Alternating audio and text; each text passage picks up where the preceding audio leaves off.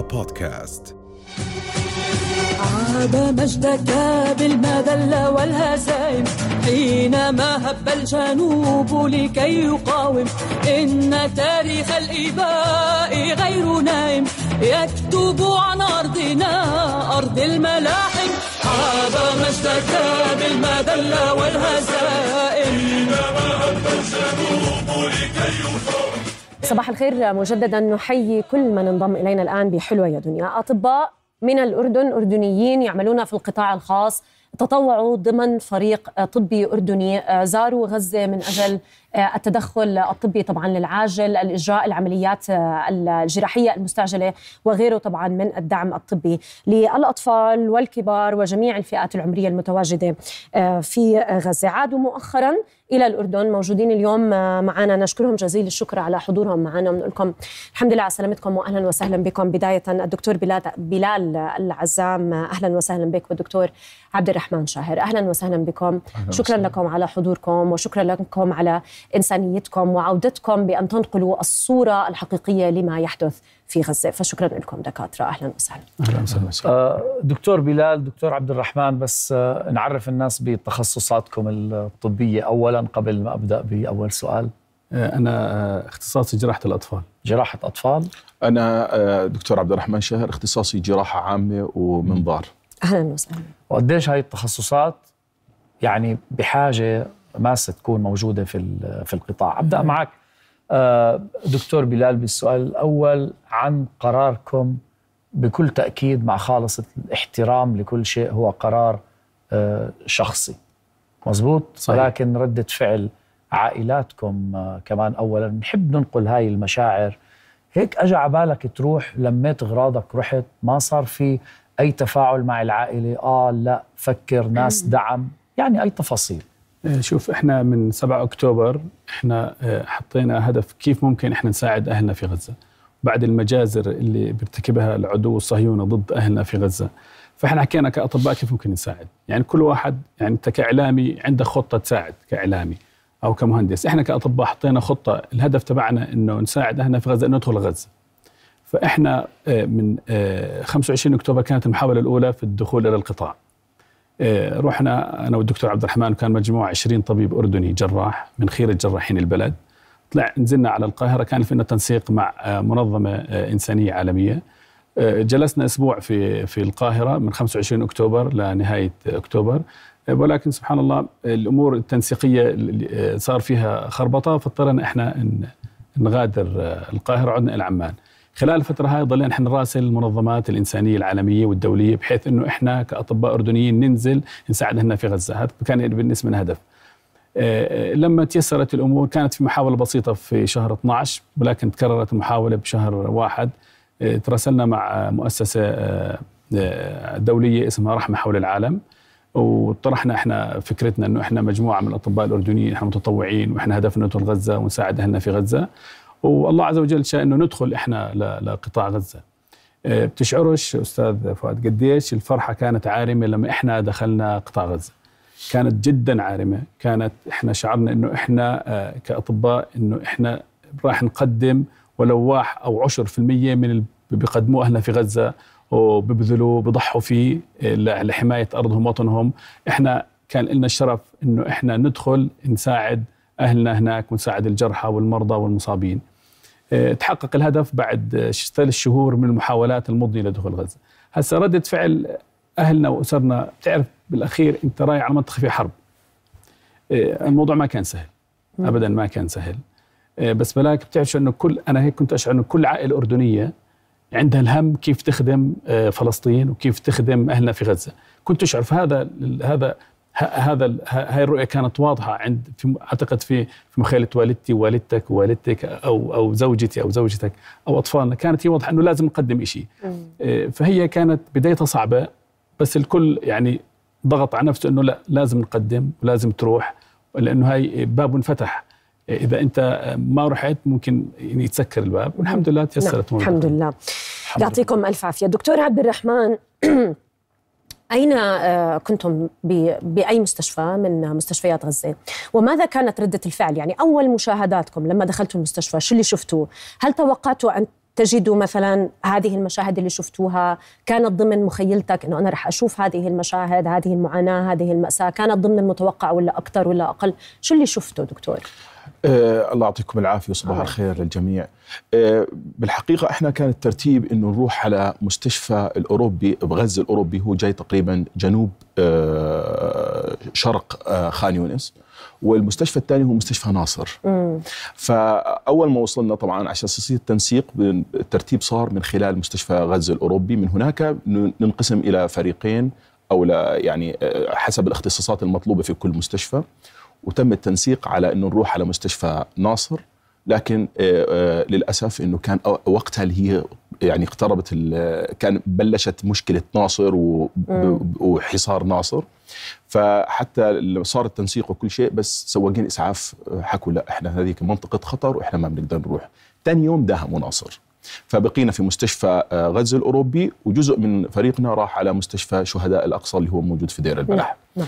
الآن بالنسبة للأشياء اللي إحنا كنا نشوفها يعني زي ما أنتم بتشوفوا كنا نشوف إحنا في في, عمان آه، شو شو بيصير في هناك والقصف والإصابات وكذا لكن بصراحة في الحقيقة الشيء يعني مهول يعني صح الإعلام بنقول بس الحقيقة يعني شيء شيء شو شفت دكتور؟ آه، آه، نواحي كثيرة آه، طبيعة الإصابات طبيعة فعلا كيف إنه المستشفيات ممتلئة وفعلا أنت كطبيب بإمكانك تعالج وبإمكانك تكون بخدمتك وفي ناس يعني ممكن تعالجهم ويشفوا ويصير أمورهم تمام بس أنت بتكون مكتف مكتف لأنك مش قادر تقدم الخدمة مش قادر تقدم الخدمه لأنه ما في غرف عمليات غرف العمليات مفلله كلياتها مش قادر تقدم الخدمه لأنه المريض في الطوارئ مش لاقي له سرير يدخل على قسم العناية الحديثة أو على قسم ال ال ال ال ال الطابق.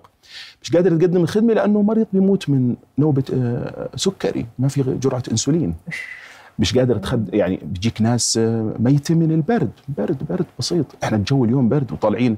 كنا نزعل لما ينزل مطر لأنه أول ما ينزل المطر الناس بتطلع من خيمها. المستشفى مليان آه نازحين. عشرين ألف نازح تقريبا كان في جوا المستشفى. في الكوريدورات تخيل أنت في كوريدورات المستشفيات الناس آه عاملة خيم أو شراشف أو كذا وقاعدة في هذا وبتطبخ وبيعجنوا. شو بدي يسووا؟ هذول نازحين قصفت بيوتهم وبيعتقدوا أنه المستشفى هو أكثر. يعني امانا. هذا كله بيأثر على الحركة تبعتك بيأثر على العامل اللي هو الأوبئة عامل عامل الالتهابات التهابات جروح مهولة. فيعني هاي هاي الأشياء إحنا ما بتقدر تشوفها عن طريق الإعلام ولا بتشوفها عن طريق أي وسائل تواصل. هي إلا تكون هناك وتحسها وتعرفها وتشوف المعاناة اللي بيعانوها زملائنا الاطباء هناك. فيعني بصراحة الوضع يعني ربنا يكون في عونهم. شو كان معكم دكتور بلال؟ جنسيات. هل هناك كان في معكم أطباء؟ التقيتوا بأطباء مثلا عرب من دول إسلامية أجانب مثلا؟ إيه، هو اللي بدخل بحكي على متطوعين. آه متطوعين.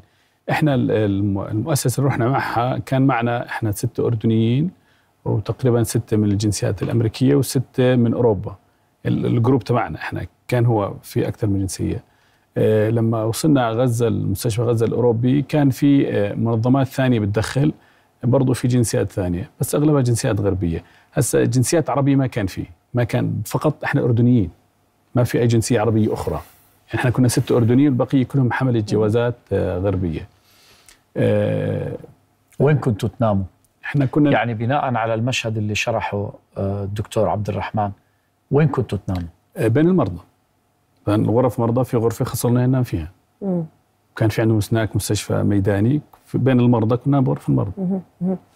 نفسيات الأطباء بغزة الأطباء الفلسطينيين الذين يعملون بغزة كيف هدول الأطباء كيف قادرين إنهم الصراحه بدنا نكون واضحين يعني 130 يوم من الحرب آه، نشاهد الأطباء وضع الأطباء الممرضين يعملون ليل نهار وهناك أيضا استهداف للأطباء وهذا شيء إحنا شفناه يعني استهداف للأطباء للطاقم الطبي للإسعاف لكل العاملين في القطاع الطبي لكي يحاولوا أن ينقذوا للأسف نقول ما تبقى من الإنسان الحي في غزة هدول أيضا عم بيتم استهدافهم. فماذا رأيتم ماذا سمعتم من مشاهدات اعتقالات للأطباء نفسية الأطباء هناك؟ شو وضعهم؟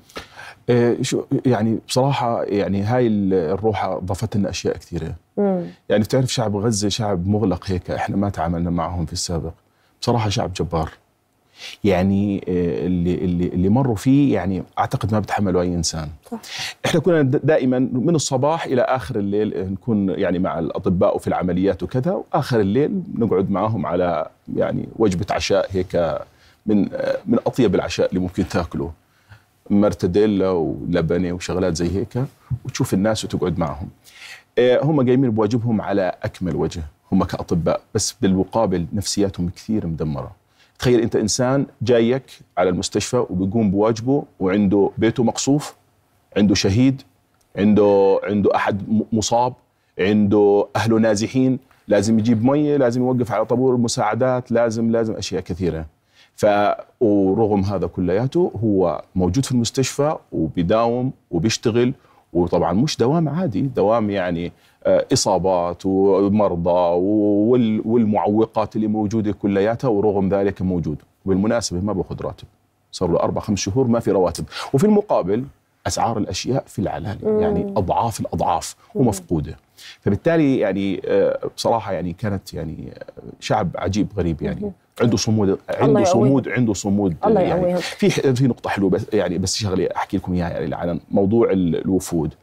إحنا لما إجينا كوفد أردني ودخلنا آه، فكرة ال psychological support اللي كان موجود للأطباء اللي هناك عن جد انبسطنا لما طلعنا. إلى الآن هم بيتراسلوا معنا وينكم؟ والله أنتم اخوانا زي كأنه حدا نزل لهم من السماء. لأنه في هيك تعرفوا ال culture وحدة العادات وحدة والسهرات مع بعضنا وحدة والتفكير واحد. فعن جد يعني إحنا عملنا لهم زي دعمة نفسية يعني عجيبة. آه والله. وساعات ضحك ساعات بكى ساعات كذا ساعات يحكوا عن مآسي ساعات يعني هاي الشغلة. نعم. لازم التركيز على موضوع الوفود ال- إنه يكون من نعم. آه، نعم. فؤاد من بعد إذنك لكن أنا دكتور بلال لأني سمعتك أكثر من مرة في أكثر من آه، من ندوة وأنا متأكدة إنه كل الأطباء اللي ذهبوا إلى غزة وتطوعوا هم يتجولون الآن في كل مكان في المؤتمرات الندوات المحافل لكي ينقلوا للناس الواقع المر والمآسي الصعوبات المرعبة اللي عم بيمروا فيها أهل غزة.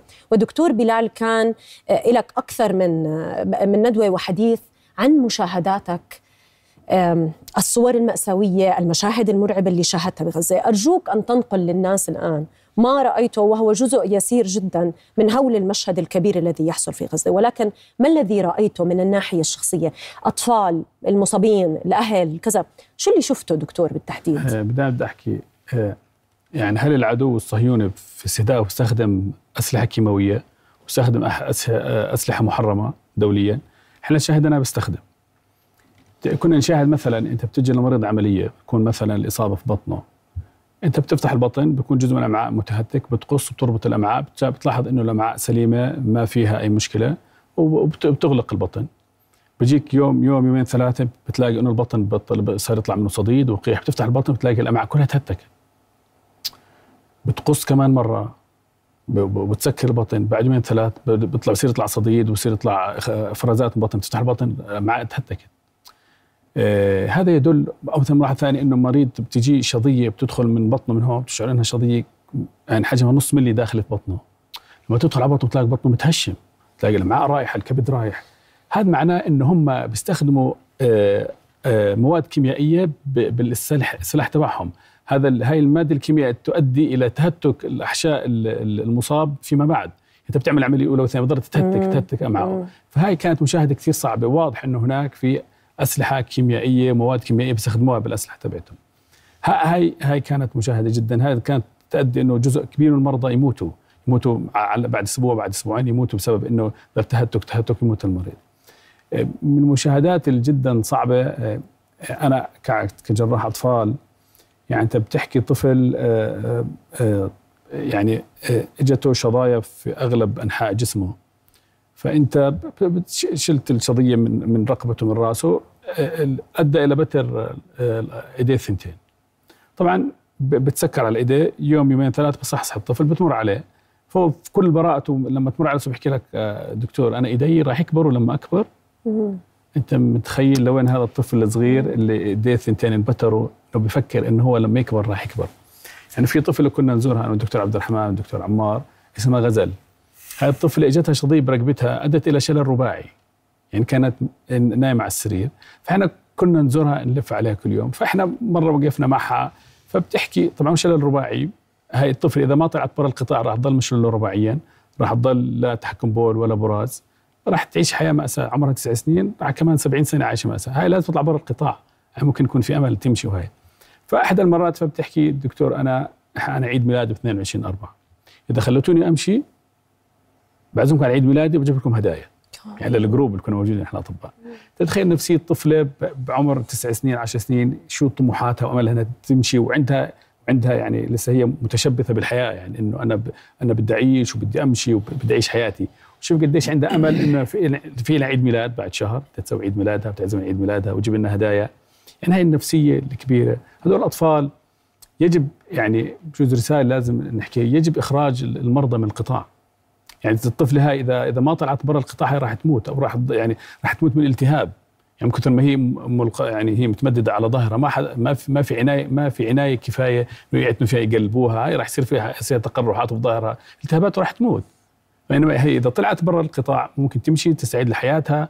يعني أنت بتحكي عن طفل يعني عمره 10 سنين 15 سنة هذا راح يعيش فترة طويلة. فأنت بدك تقدم له هاي.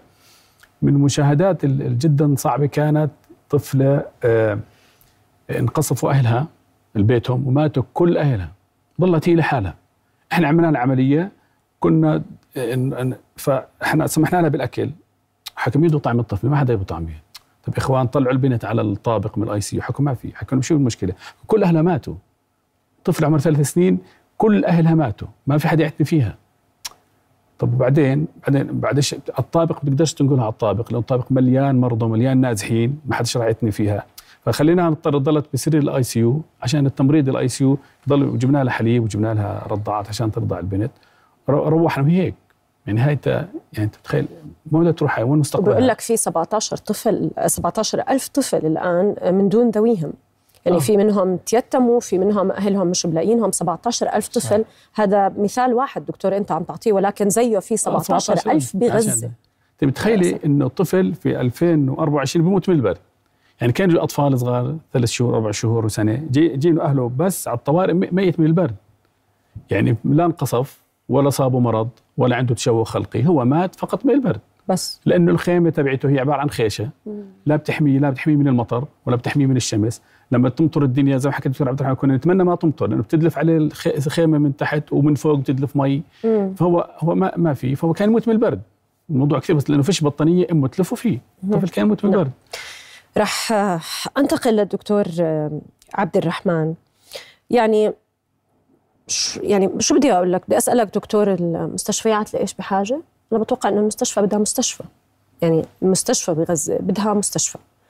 آه، سمعنا هذيك المرة اقتراح من بعض الأطباء وبتوقع يمكن أنت دكتور بلال نعم. ذكرت هذا الاقتراح بأن يكون هناك مستشفى ميداني لكل مستشفى موجودة بغزة ولكن هذا يمكن يعني إجراء مؤقت. آه، لكي يتم يعني إنقاذ ما يمكن أن يتم إنقاذه من آه، المستشفيات وهذا القطاع الصحي لأنه من دون أن يكون هناك قطاع صحي قادر إنه يوقف ولو بنسبة 50% على رجليه بغزة آه، يعني رح يكون في هناك إبادة أخرى للمصابين كما ذكر الدكتور. يعني المصاب رح يتوفى بسبب عدم وجود المساعدات المطلوبة والمتوفرة في المستشفيات. هو مش بس المصابين مش مش مش بس المصابين اللي ممكن يتوفوا. ممكن الإنسان البسيط العادي اللي عنده زايدة تنفجر الزايدة. إذا الزايدة عملية بتأخذ تقريبا ثلث ساعة آه وثاني يوم بيروح الواحد بيمشي بعد ثلاث أيام بيروح بداوم عادي. هذا هذا ممكن تكون هاي كارثة. واحد ما في له سرير مش قادر يجي على المستشفى انفجرت الزايدة بيموت بتسمم دم ببساطة. لا انقصف ولا عمل ولا شيء ولا مريض ولا ولا ولا أي شيء ببساطة ممكن يموت. مريض ال cancer وإحنا هناك أنتم الوفد الاردني والله أنا عندي cancer تشخصت عند وقت الحرب يعني بدي عينه صرنا بدك انت هاي الأشياء هم تعودوا عليها الأطباء من كثر ما شافوها. إحنا مش متعودين. بتمسكوا من إيده بتروح على الإدارة يا جماعة هذه عندها هيك هيك أنا أنا ممكن أشتغل كانسر. قالوا طيب ما في مشكلة بس إحنا بدنا نشخص ما عندنا صبغات يعني أنت في شغلات ما بتستغرب إنه يعني لأنه ما مرت علينا فبتستغرب إنه آه والله صح كيف يشخص؟ كيف ك... فكلياتها عبارة عن معوقات. هلا هذا القرار إنك أنت بدك تتخ... يعني تعمل مستشفيات بدها مستشفيات بالفعل بدها مستشفيات كوادر طبية بدها مستلزمات بدها بدها بدها, بدها مستشفيات كاملة. بس هذا طبعا ما بيقدر يتخذ فيه القرار الأفراد. يعني أنا فرد بقدر أخذ معي شنطتين أخذ فيها أدواتي الجراحية وأشياء زي هيك زي ما عملنا في وقت ما دخلنا. لكن أنت لما بدك تجهز مستشفى هذا بده قرار بده قرار يعني دولي بده قرار آه، زي هيك. حتى إنه يعني تقدر تساعد هاي العالم. فزي ما حكيت لكم بإضافة إلى الكارثة اللي موجودة. اللي استشهد الله يرحمه اللي مصاب هذا بده شغل عليه لازم يطلع برا لازم لازم يطلع برا. إحنا لما يكون عندنا واحد عنده إصابة في طرف وعنده التهاب في العظم هذا بيهلك المستشفى مست... وهو فرد واحد أو فردين بيهلك مستشفى كامل عندنا في عمان لأنه بده مضادات حيوية بده استشارات من جميع الأطباء بده بده وبده بقاء في مستشفى لمدة ست أسابيع بيعرفوا اخواننا في جراحين العظام. فما بالك عندك أنت آلاف من المصابين وكلهم هدول الآلاف عندهم التهابات بالجروح وبدهم مضادات حيوية كثير قوية. يعني عن فعلا بتهلك يعني آه، يعني بتهلك آه، منظومة صحية قائمة. فهدول الناس المصابين لازم يطلعوا لازم الدول تتبنى هذا الشيء لازم يأخذوا كل المصابين لأنهم عاملين عبء على المستشفيات هناك. عاملين وما عم يتلقوا في العناية ما بيأخذوا العناية الطبية الصحيحة وقاعدين نفقدهم من لا شيء. فبالتالي هدول لو راحوا ممكن الواحد للناس اللي موجودين هناك اللي ما عندهم أي شيء ببلشوا الأطباء يفضوا بيقدروا يعني يقدموا لهم شيء يعني طبعاً. مهم طبعاً. ولو ب 20 ثانية آه، دكتور هناك شهدتوا دخول لمساعدات آه، طبية أو لا؟ أو كنتوا تسمعوا؟ أه والله هي المساعدات كانت تدخل بالقطارة بالقطارة تماما خاصة المساعدات الطبيه والأدوات الطبية كانت ما, ما تدخل يعني هي كل المساعدات يتم تفتيشها من قبل جيش الاحتلال ويتم إتلاف كل ال liquid كل السوائل تتلف كل الأدوات الطبية تتلف كل الأدوية اللي ممكن استخدامها آه، أدوات التخدير تتلف لا يتم إدخالها. للأسف. نعم. ضايل عشر ثواني أرجوكم آه، دكتور عبد الرحمن أو دكتور بلال أن توجهوا نصيحة لجميع الأطباء. الآن أنا كما فهمت بأنه كما ذكرتوا أطباء من الأردن كان في هناك أطباء أجانب فتحت لهم المجال أو فتح لهم المجال لأن يذهبوا إلى غزة إلى واحدة من المستشفيات أو إحدى المستشفيات وأن يتطوعوا. أرجوكم أن توصلوا رسالة للأطباء الآن اللي عم بيتابعونا. باب التطوع مفتوح للدخول إلى غزة عن طريق المؤسسات الدولية. إيه ست مفتوح بالقطارة. بالقطارة ولكن يعني لما يكون في ضغط من الأطباء آه، بس لازم نحكي إنه الحرب ما انتهت. يجب إنه كل واحد فينا إعلامي طبيب مهندس يكون عنده رسالة والرأي اللي حملها ما ما يرمي الرأي تبعته كاعلامي ويضل يحكي عن مأساة أهلنا في غزة وعن الحرب إحنا كأطباء لازم نضل نسعى. كل واحد من طرفه يسعى يراسل المنظمات الإنسانية والهيئات الدولية إنه يدخل للقطاع. لازم نعم. كلنا نسعى ندخل وندخل معنا معدات طبية. لازم إحنا نسعى إنه نحاول نضغط نخرج الجرحى آه، من من القطاع لخارج القطاع لعنا الأردن. بجوز إحنا الأردن ما استقبلنا عدد كبير من الجرحى. في جرحى راحوا للخليج تركيا فإحنا لازم نضغط. كدولة اردنيه ناخذ جزء كبير من هذول أهالينا ومحسوبين علينا. لازم يجب أن نضغط. ولازم كل واحد فينا من موقعه يضغط إنه يساعد أهلنا في غزة. نعم نعم. آه، دكتور آه، انتهى الوقت. آه، أنا فقط يعني كونكم من القطاع الخاص ونقلتم يعني مشاهدات لابد أن نذكر أيضا الأطباء العسكريين الأردنيين المنتشرين في أكثر من مستشفى في غزة. كمان نوجه لهم مم. التحية القوات المسلحة الأردنية الخدمات الطبية الملكية. يعني لابد نشعر فيهم زي ما أكيد المشاهد واللي أنتم بتشوفوه كمان هم عمالهم آه، بيشوفوه. وأنا سأتوقف عند كلامك دكتور بلال لأنه أعتقد يعني هاي أكبر رسالة اليوم آه، بتورجيها وبتوديها لكل الناس من حلوة يا دنيا. من الجنسيات العربية آه، كان فقط الجنسية الأردنية المتطوعين بغزة. مو كلامي كلام الدكتور طالع من غزة حديثا. الجنسية العربية الوحيدة من أطباء آه، متطوعين هم الأطباء الأردنيين إن كانوا من القطاع العسكري أو القطاع الخاص أمامكم. ما في كلام ما في كلام نحكي أكثر من اللي انحكى وأعتقد أنه خلص لازم ننهي المقابلة الآن شكرا آه، لحضراتكم وممنونين لجهدكم الإنساني الكبير والمشرف الله يعطيكم العافية الله يعافيكم شكرا شكرا أهلا وسهلا بكم شكرا على العزائم هذا سيفي بالوغى بالموت